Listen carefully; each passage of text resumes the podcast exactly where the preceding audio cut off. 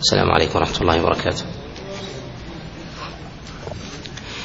الحمد لله رب العالمين وصلى الله وسلم وبارك على نبينا محمد وعلى آله وأصحابه ومن تبعهم بإحسان إلى يوم الدين. أما بعد فنتكلم في هذا المجلس بإذن الله عز وجل على شيء من الأحاديث المعلى في الحج. نكمل ما تكلمنا عليه في المجلس السابق. أول هذه الأحاديث. هو حديث عبد الله بن عمر عن رسول الله صلى الله عليه وسلم أنه قال في قول الله جل وعلا ولله على الناس حج البيت من حج البيت من استطاع إليه سبيلا. قال الاستطاعة الزاد والراحلة. هذا الحديث رواه الدار قطني ورواه كذلك البيهقي من حديث محمد بن عباد عن عبد الله بن عمر عن رسول الله صلى الله عليه وسلم. والحديث معلول براويه عن محمد بن عباد عن عبد الله بن عمر وذلك أنه رواه إبراهيم بن يزيد الخوزي عن محمد بن عب محمد بن عباد عن عبد الله بن عمر عن رسول الله صلى الله عليه وسلم. وإبراهيم الخوزي ضعفه غير واحد من الحفاظ. وقال يحيى بن معين ليس بالقوي. وضعف هذا الحديث جماعة من الأئمة كالشافعي وكذلك البيهقي وغيرهم من الأئمة. وقد توبع عليه إبراهيم بن يزيد تابعه غير واحد فقد رواه الدار قطني والبيهقي من حديث من حديث محمد ابن كثير عن جرير ابن حازم وقد أخرجه أيضا الدار قطني والبيهقي من وجه آخر من حديث محمد ابن عبد الله بن عبيد كلاهما محمد بن عبد الله بن عبيد وجرير بن حازم كلاهما يرويانه عن محمد بن عباد عن عبد الله بن عمر. ولكن هذا الحديث بهذين الطريقين مطروح أيضا وذلك أن محمد بن عبد الله بن عبيد متروك الحديث. ويرويه أيضا عن جرير بن حازم محمد ابن كثير وهو متروك الحديث. وهذان الراويان متروكان مطروحان. وقد تابع إبراهيم بن يزيد في روايته على هذا ولا يحتمل منهما هذه المتابعة. وقد تقدم معنا مرارا أن الحديث إذا رواه راو مطروح ثم تابعه على ثم تابعه عليه مثله أن هذا هذه المتابعة مما لا يعتقد بها عند عند العلماء. و ينبغي لطالب العلم في أبواب المتابعات إذا أراد أن ينظر إليها من جهة العد أنه ما مر عليه من الأحاديث التي فيها المتروك أو المنكر أو المتهم أنه لا يلتفت إليها ولا يجعلها في حسبانه على الإطلاق حتى لا يغتر بكثرتها. وبعض المشتغلين في الحديث ربما ينظرون إلى أمثال الأعداد فيغترون بذلك وهذا ليس على طرائق طرائق أهل العلل. وجاء طريق آخر لهذا الحديث من حديث سعيد بن سلام يرويه عن عبد الله بن عمر العمري عن نافع عن عبد الله بن عمر عن رسول الله صلى الله عليه وسلم بنحوه. وهذا الحديث حديث منكر أيضا. فقد قال علي بن الجنيد كما سأل ابن أبي حاتم كما في كتابه العلل عن هذا الحديث فقال هذا حديث باطل هذا حديث حديث باطل. وذلك أنه قد تفرد به العطار سعيد بن سلام العطار عن عبد الله بن عمر العمري عن نافع وهو مطروح الحديث. معلوم أيضا أن مفاريد عبد الله بن عمر العمري عن نافع مما لا يحتج بها الأئمة. وهذا الحديث لا يعرف في حديث نافع عن عبد الله ابن عمر عليه رضوان الله عليه رضوان الله تعالى. ثم إن مدار هذا الحديث على محمد بن عباد بن جعفر. عن عبد الله بن عمر وبه يعرف.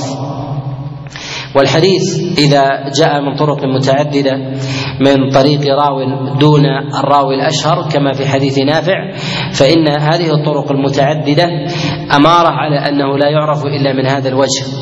ولو كان معروفا من غيره لحفظ وضبط.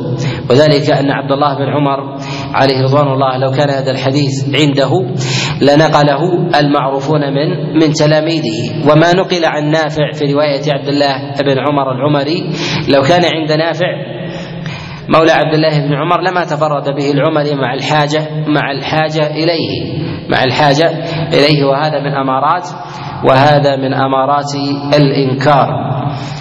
الحديث الثاني حديث أنس بن مالك عليه رضوان الله أن رسول الله صلى الله عليه وسلم قال في قول الله جل وعلا من استطاع إليه سبيلا؟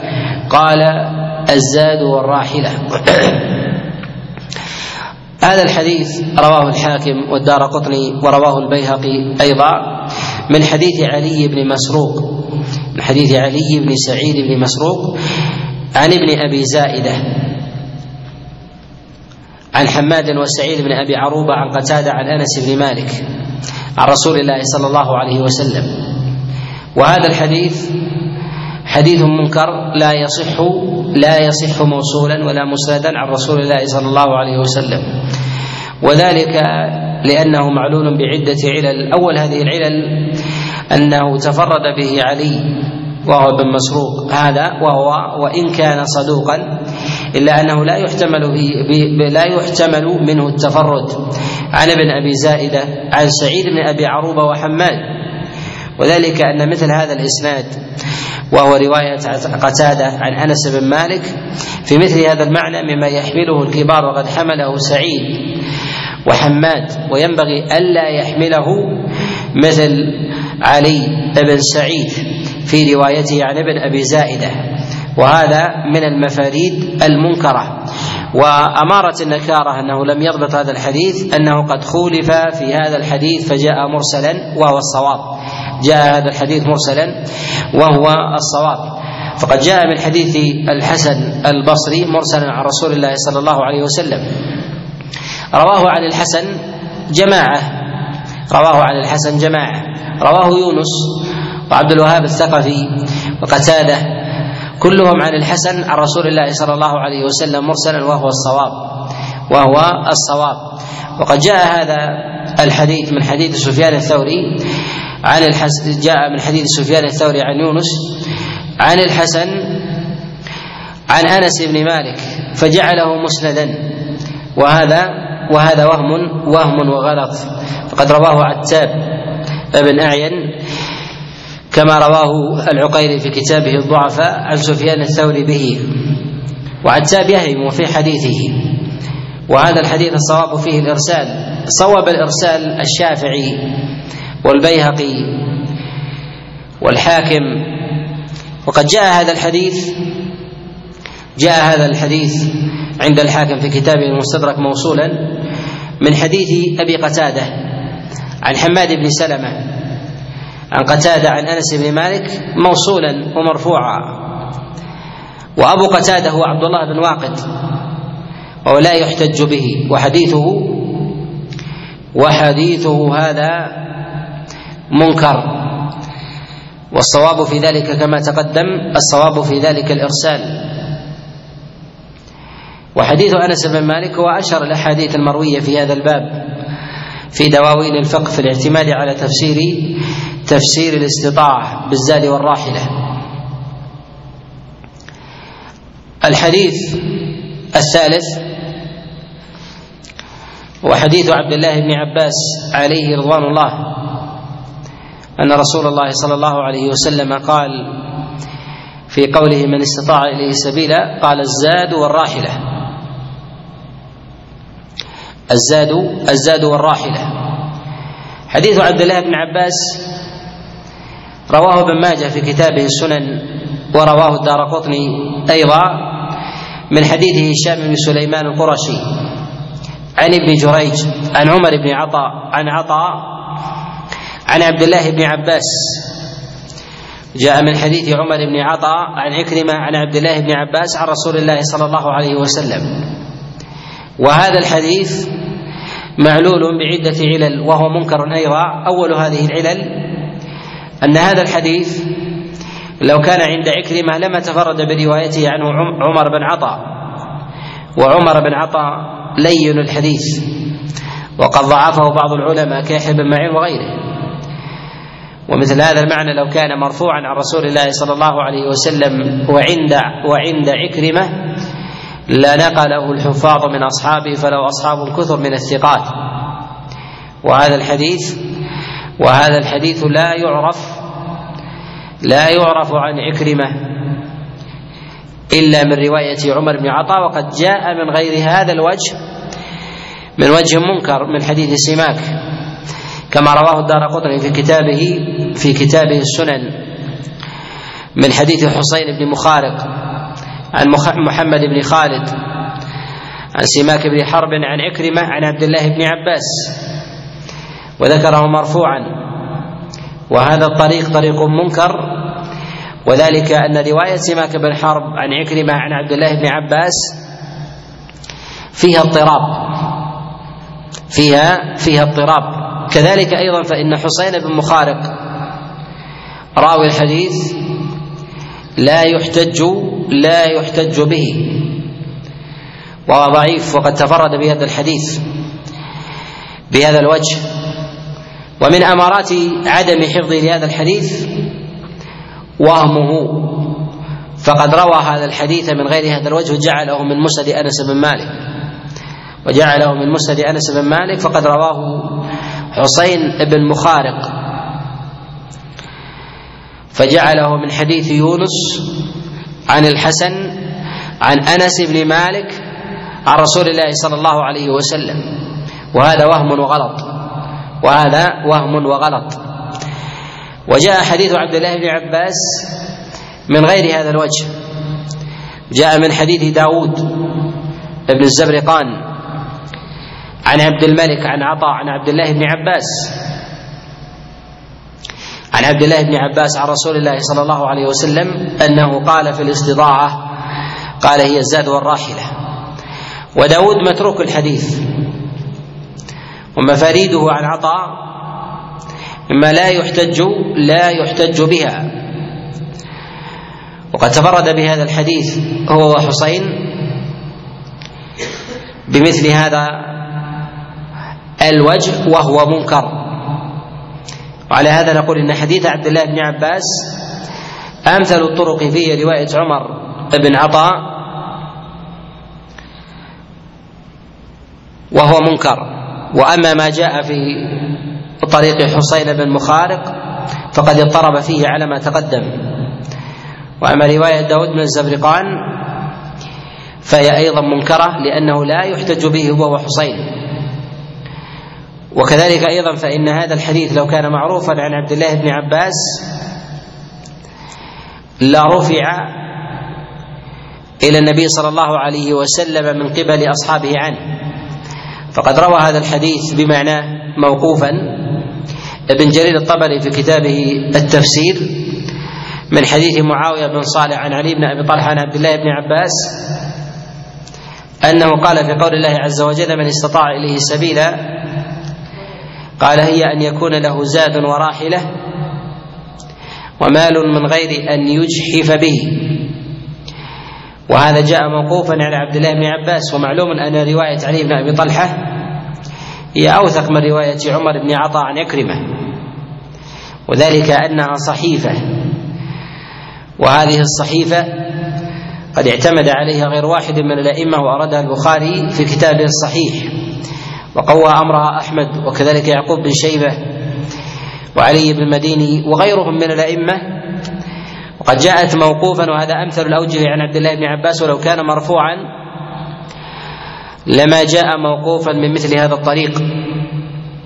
لما جاء لما جاء موقوفا من مثل هذا هذا الطريق. الحديث الرابع وحديث عبد الله ابن مسعود عليه رضوان الله. أنه قال قال رسول الله صلى الله عليه وسلم في الاستطاعة قال هي الزاد والراحلة. هذا الحديث قد رواه الدار قطني في كتابه السنن من حديث الحسن بن محمد عن بهلول بن عبيد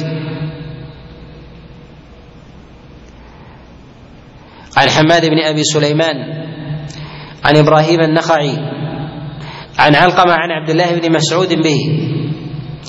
وهذا وهذا الحديث منكر أيضا بهذا الإسناد. وذلك لأنه تفرد به الحسن بن محمد عن بهلول بن عبيد عن حماد بن أبي سليمان.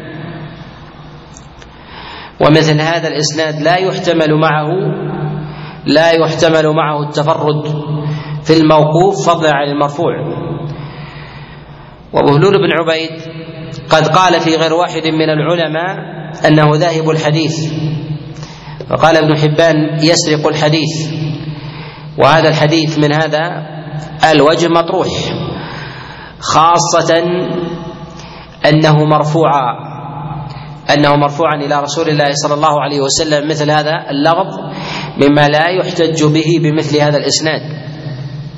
كذلك أيضا من وجوه الإعلال أن هذا الحديث مما تفرد به حماد بن أبي سليمان عن إبراهيم عن علقمة وحماد بن أبي سليمان وإن كان من أئمة الرأي والفقه إلا أنه ليس بضابط للحديث وكثير من المرويات التي يرويها عن إبراهيم النخعي يرويها بالمعنى يرويها يرويها بالمعنى وهو كوفي ويروي عنه كوفي وبهلول بن عبيد الراوي عنه كوفي أيضا.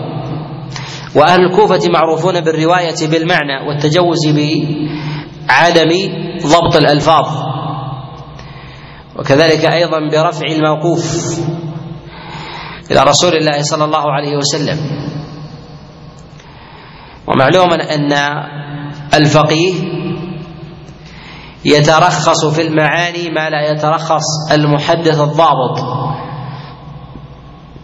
وهذا يكثر في بلدان الدراية في بلدان الدراية من الكوفة والبصرة واضرابها ولهذا قد أنكر هذا الحديث غير واحد من العلماء على بهلول بن عبيد في روايته عن حماد بن أبي سليمان. ثم أيضا إن هذا الحديث لو كان معروفا عن إبراهيم لرواه عنه أصحابه من الثقات. كالأعمش وغيره. وهذا الحديث لا يعرف لا يعرف عن إبراهيم النخعي إلا من هذا الوجه. وأصحاب إبراهيم يعتنون بمرويات الحديث الحديث المرفوع عنه خاصة.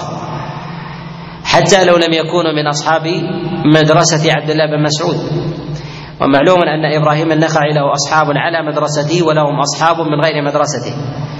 أصحابه الذين على مدرسته يروون عنه ويعتنون برواية ما كان عن عبد الله بن مسعود وما كان أيضا عن النبي عليه الصلاة والسلام. وأما ما كان من غير مدرسته فيعتنون بالمرفوع أكثر من الموقوف مع روايتهم للموقوف عنه. وذلك أن مرويات إبراهيم النخعي عن علقمة عن عبد الله بن مسعود يختص بها تختص بها مدرسة أهل الرأي. بالإكثار من النقل بمثل هذا الإسناد. ولما تفرد به حماد وعن حماد بن بن عبيد دل على عدم عدم استقامة الإسناد مع هذا المتن. وذلك لكونه مرفوعا ولم يروى إلا من هذا الوجه ومثله ومثله يحمله يحمله الثقات. ولما لم يحملوه دل على كونه دل على كونه منكرا. الحديث الخامس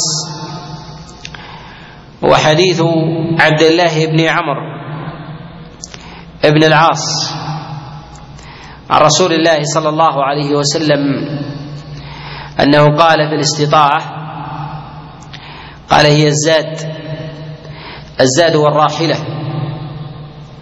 وهذا الحديث رواه الدار قطني والبيهقي من حديث محمد بن عبيد الله العرزمي. ومن حديث عبد الله بن لاهيعة كلاهما عن عمرو بن شعيب عن أبيه عن جده عن النبي صلى الله عليه وسلم. وهذا الحديث أيضا حديث منكر. وذلك لتفرد محمد بن عبيد الله بهذا الحديث مع ابن لهيعة وكلاهما ضعيف. فالعرزمي متروك وهو معروف وقد اتهمه بعض الأئمة. وهو أيضا ممن يتهم بسرقة الحديث يعني بأخذه ونسبته إليه. وعبد الله بن لهيعة هو ضعيف في ذاته ثم اختلط فزاد ضعفه أيضا. فهؤلاء لا يعضد بعضهم بعضا لاحتمال أن يكون الحديث أصلا عن عبد الله بن لهيعه فأخذه محمد بن عبيد الله عنه. فيكون مرده حينئذ واحد.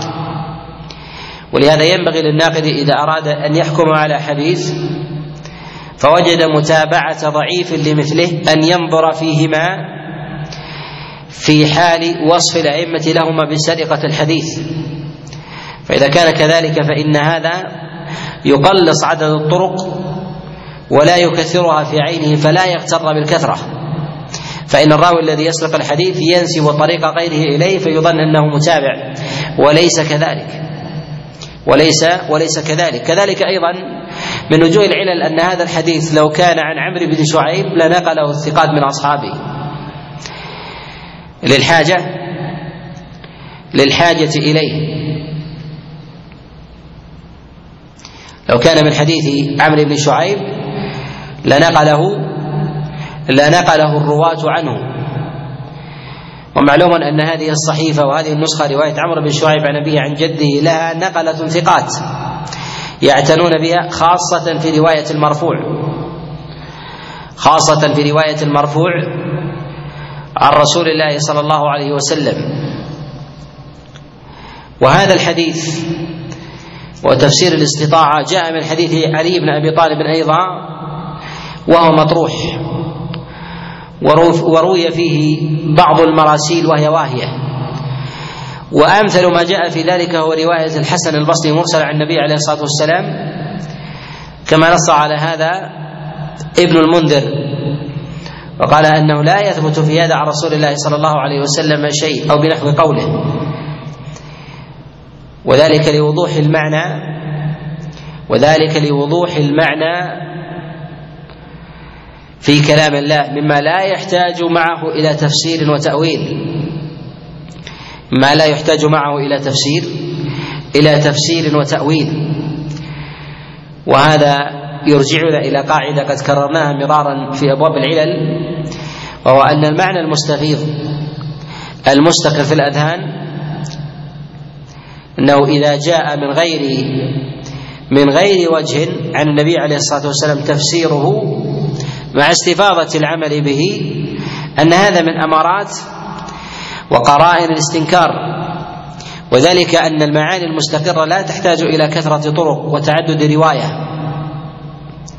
وتعدد الرواية مما لا يحتاج إليه في مثل هذا لاستقرار العمل اذا فهو يحتاج إلى عمل الصحابة. إذا فهو يحتاج إلى عمل أصحاب رسول الله صلى الله عليه وسلم. الحديث السادس وحديث جابر بن عبد الله أنه قال حججنا مع رسول الله صلى الله عليه وسلم ومعنا النساء والصبيان فلبينا ورمينا عنهم. هذا الحديث أخرجه الترمذي والإمام أحمد وابن ماجه وابن أبي شيبة من حديث الأشعث بسوار عن أبي الزبير عن جابر بن عبد الله عن رسول الله صلى الله عليه وسلم. وهذا الحديث وهذا الحديث معلول بعدة علل. أول هذه العلل تفرد الأشعث بن سوار به عن أبي الزبير والأشعث بن سوار لا يحتج به وقد ضعفه غير واحد من العلماء وهو منكر الحديث. وهو كوفي أيضا ربما لا يأتي هو وأمثاله بالحديث على وجهه. ولهذا اضطرب في المتن. اضطرب اضطرب في المتن. فيروي الحديث الأشعث بن سوار عن أبي الزبير عن جابر بن عبد الله على لفظين. اللفظ الأول هو لفظ الترمذي. قال حججنا مع رسول الله صلى الله عليه وسلم ومعنا النساء والصبيان فلبينا ورمينا عنهم. يعني لبوا عن النساء والصبيان ورموا عنهم جميعا. وهذا لفظ منكر. وهذا لفظ منكر. فإن المرأة لا يلبى عنها. لا يلبى لا يلبى عنها. وأما اللفظ الآخر فهو لفظ الإمام أحمد وابن ماجه وابن أبي شيبة. من حديث الأشعث بن سوار عن أبي الزبير عن جابر بن عبد الله قال حججنا مع رسول الله صلى الله عليه وسلم ومعنا النساء والصبيان فرمينا عن الصبيان. فذكر أن الإنابة هنا هي عن الصبي وليس عن المرأة. وهذا اضطراب في المتن. وهذا أيضا يدل على أن الأشعث مع كونه ضعيفا في روايته يظهر أنه ليس بفقيه أيضا. وذلك أن الإنابة عن المرأة في التلبيه لا تصح بالاتفاق لأنها تلبي عن نفسها كغيرها. وقد حكى الإجماع على ذلك الترمذي رحمه الله حينما أخرج هذا الحديث بهذا اللفظ استغربه. استغربه على أنه لا يلبى لا يلبى عن المرأة. قال والعمل على هذا. وهذا يدل على أن الحديث إذا روي من أكثر من وجه متضاد فهذا من علامات الاضطراب. فهذا من علامات من علامات الاضطراب. لهذا نقول إن هذا الحديث مضطرب وهذا الحديث حديث مضطرب وعلته في ذلك الأشعث بن سوار. وكذلك أيضا فإن من وجوه الإعلال في هذا الحديث تفرد أهل الكوفة به. فالأشعث في تفرد بهذا الحديث ولا يعرف إلا عنه مع الحاجة إليه. ولو كان معروفا لنقله غيره عن أبي الزبير.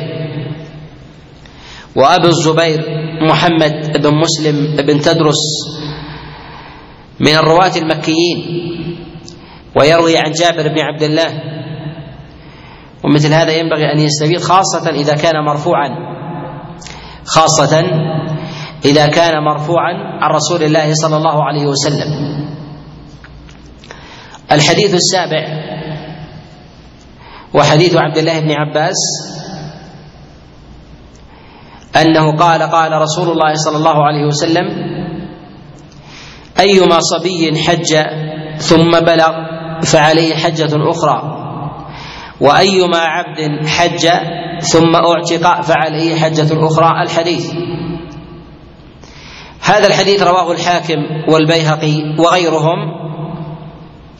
من حديث محمد بن المنهال عن يزيد بن زريع عن شعبة بن الحجاج عن الأعمش عن أبي طبيان عن عبد الله بن عباس عن رسول الله صلى الله عليه وسلم.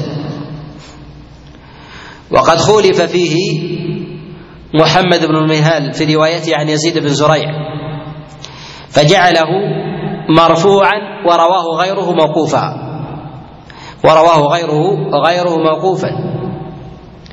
رواه سفيان الثوري عن شعبة بن الحجاج وجعله وجعله موقوفا على عبد الله بن عباس. وحديث سفيان الثوري أصح. وهنا مسألة في أمور العلل أن هذا الحديث يرويه محمد بن منهل عن يزيد بن زريع عن شعبة ويرويه سفيان عن شعبة. ظاهر الإسناد أن الذي خالف سفيان هو يزيد بن زريع وليس محمد بن المنهال. فلماذا حملنا محمد؟ نقول لأنه هو الأليق بالمخالفة بخلاف يزيد بن زريع. ولهذا نقول إن إلحاق المخالفة للراوي لا يلزم من ذلك أن تتحد الطبقة. فلو تأخرت الطبقة بعد ذلك فإنه يلحق يلحق فيها أمر النكارة. ولهذا ألحق الحفاظ النكارة بمحمد بن المنهال في رواية عز يزيد بن زريع عن شعبة مع أن المخالفة هي في طبقة يزيد بن زريع. فرواه سفيان الثوري عن عن شعبة عن الأعمش به وجعله وجعله من قول عبد الله بن عباس. وهذا يجعلنا ننظر في الطرق التي تروى بها الأسانيد في أمور المخالفة. فينظر إذا كان ذلك دون الإسناد الأول فتلحق به العلة ولا تلحق بالحافظ. ولا تلحق ولا تلحق بالحافظ. ومحمد بن المنهال توبع عليه في رفعه. تابعه على رواية الحارث بن سريج. يرويه عن يزيد بن زريع عن شعبة وجعله وجعله مرفوعا. ولكن الحارث مع ضعفه فهو متهم أيضا بسرقة الحديث. فهو متهم بسرقة الحديث وقد تفرد بهذا الحديث مع محمد بن المنهال به. وقد تقدم معنا الإشارة إلى أن الراوي إذا كان متهما بسرقة الحديث فإن متابعته لغيره لا يعتد بها لاحتمال أن يكون أخذ الحديث من غيره فنسبه إليه. وسرقة الحديث هي من التدليس بل هي شر التدليس. وذلك أن الإنسان يتوهم أن هذه متابعة وليست كذلك. ولهذا يقول ابن عدي رحمه الله في كتابه الكامل قال وهذا الحديث هو حديث محمد بن منهال عن يزيد بن زرع وهو معروف به والحارث يسرق الحديث. يعني ولعله أخذه منه ولعله أخذه منه. وسرقة الحديث عند الحفاظ أن الراوي يسمع حديث غيره يحدث به عن شيخه فيأخذه ويرويه عن شيخه. ولا يذكره في ذلك ودافعهم في ذلك هو العلو. أن يعلو في الطبقة. وربما تسول الإنسان أو للراوي النفس أنه إنما روى هذا الحديث عن شيخه روى هذا الحديث عن الشيخ ولم يذكر الراوي أنه يثق به. فربما الحارث قال إني أثق بمحمد بن المنهال في روايته لهذا الحديث فأنا أسقطه وأروي عن شيخه. وهذا وإن كان من جهة البداهة للإنسان يقول يسوق في حال زمنه لكن ما كان ثقة عندك ربما يرد عند غيرك لمخالفة لغيره فربما لا يعلم بمخالفة سفيان الثوري لمثل لمثل هذه الرواية. ولكن هذا الحديث هل يقال من قبيل الرأي ونقول إنه من فتوى عبد الله بن عباس أم له حكم الرفع يظهر والله أعلم أن له حكم الرفع وذلك أن ابن أبي شيبة قد أخرجه في كتابه المصنف من حديث أبي معاوية عن الأعمش عن أبي ظبيان عن عبد الله بن عباس قال احفظوا عني ولا تقولوا قال عبد الله بن عباس. يعني أنه لا يروي عن نفسه وإنما يروي شيئا عن النبي عليه الصلاة والسلام. ولكن لماذا عبد الله بن عباس لم يقل قال رسول الله صلى الله عليه وسلم؟ لاحتمال أن يكون عبد الله بن عباس ما سمعه لفظا من النبي عليه الصلاة والسلام فاستعظم أن يرويه بلفظه ولكنه أخذه منه حكما. ولكن أخذه منه حكما. فقال عبد الله بن عباس احفظوا عني ولا تقولوا قال عبد الله بن عباس يعني احفظوا هذه المسألة عني. واضح؟ واضح؟ أليس؟ واضح؟ وش آخر إسناد كتبته؟ كتبت إسناد؟ نعم. لا عند أخونا. آه أحمد. نعم. العلة وين؟ في حديث عبد الله بن عباس.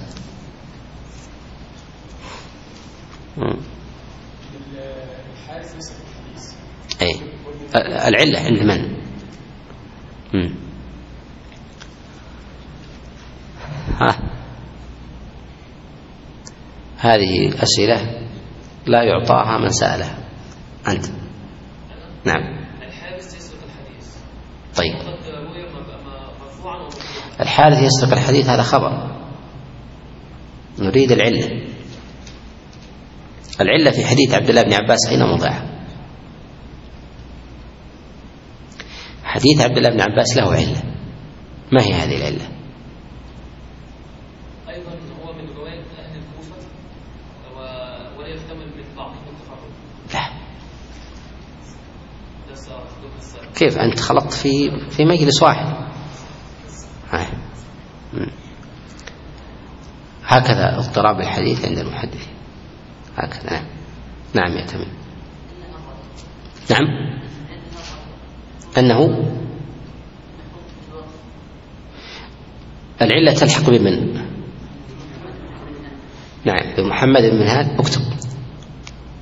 العلة بمحمد بن المنهال أنه تفرد برفعه عن يزيد بن زريع عن شعبة.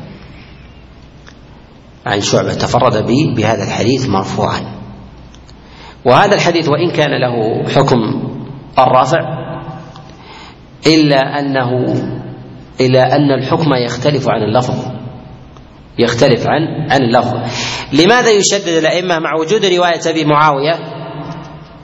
مع وجود رواية أبي معاوية التي يقول فيها عن شعبة في هذا الحديث احفظوا عني ولا تقولوا قال عبد الله بن عباس. عبد الله بن عباس لو كان لديه هذا الحديث بهذا النحو وجاء ب- بأكثر من لفظ عن النبي عليه الصلاة والسلام بلفظه لرواه عنه بلفظه. وقال قال رسول الله صلى الله عليه وسلم كما روى كثيرا من الأحكام. كما روى كثيرا من الأحكام. ولكنه قال احفظوا عني. ولا تقولوا قال عبد الله بن عباس لاحتمال أن يكون اللفظ من عبد الله بن عباس والمعنى من النبي عليه الصلاة والسلام. لهذا نقول إنه لا يسوق عند المحدثين أن يصحح المرفوع إذا كان لا يقال من قبيل الرأي. لأننا ننسب الجمل والعبارات لرسول الله صلى الله عليه وسلم وهذا لا يجوز إلا مع اليقين. ولكن قد نقول له حكم الرفع هذه مسألة أخرى ليست لدينا هذه عند الفقهاء. عند الفقهاء أما عند المحدثين فإنهم في حال ورود اختلاف بين الرفع والوقف ينظرون إلى الأرجح بالقرائن ثم يقومون بالترجيح ولو كان من قبيل الرأي. ولهذا تجد الأئمة من النقاد في مثل هذا الحديث. مع صراحة قول عبد الله بن عباس احفظوا عني ولا تقولوا قال عبد الله بن عباس إلا أنهم يميلون إلى صحته موقوفا ولا يصححونه مرفوعا. لأن إضمار عبد الله بن عباس في قول احفظوا عني ولا تقولوا عبد الله قال عبد الله بن عباس إشارة إلى أنه لا يريد أن يقول قال النبي عليه الصلاة والسلام خشية أن ينسب إليه. وإلا لقال احفظوا عني عن رسول الله صلى الله عليه وسلم. ولهذا نقول إنه في أمور العلل ينبغي أن يحترز. في رواية الحديث عن رسول الله صلى الله عليه وسلم على خلاف في على خلاف توسع. على خلاف توسع الفقهاء في أبواب في أبواب الروايات في أبواب الروايات. ومن أيضا الوجوه التي تجعل هذا الحديث موقوفا على عبد الله بن عباس وليس بمرفوع أنه جاء بتفصيل عادة لا يأتي مثل سياقه عن النبي عليه الصلاة والسلام. قال في الخبر أيما صبي حج ثم بلغ فعليه حجة أخرى وأيما عبد أعتق ثم حج ثم أعتق فعليه حجة أخرى وأيما أعرابي حج ثم هاجر فعليه حجة أخرى. الحديث الثامن وحديث محمد بن كعب القرظي عن رسول الله صلى الله عليه وسلم. قال أيما صبي حج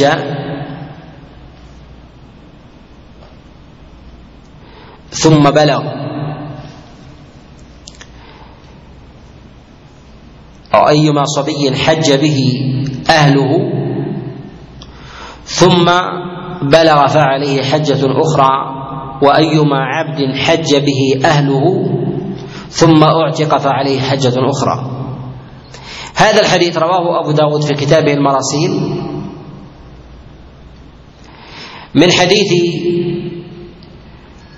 يونس عن أبي إسحاق عن شيخ عن محمد بن كعب القراظي وهذا الحديث معلول بعدة علل. أول هذه العلل الجهالة في إسناده. الجهالة في إسناده. وذلك في شيخ أبي إسحاق في روايته عن محمد بن كعب القرظي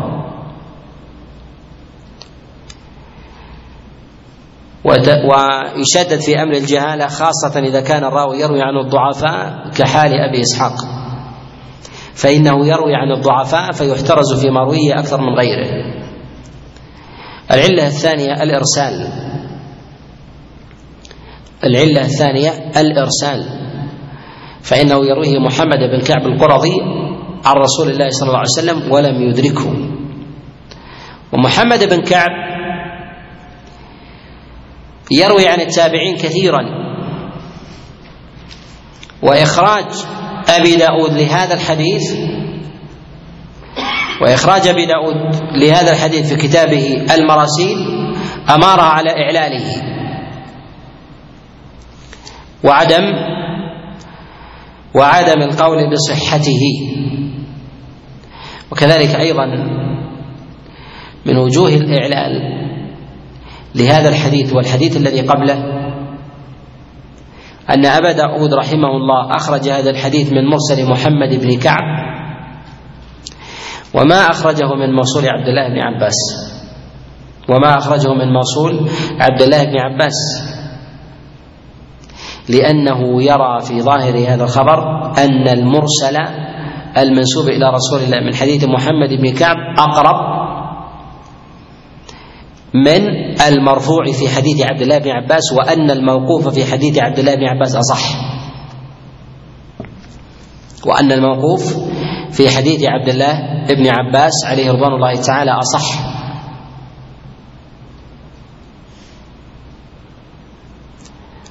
نكتفي بهذا في سؤال.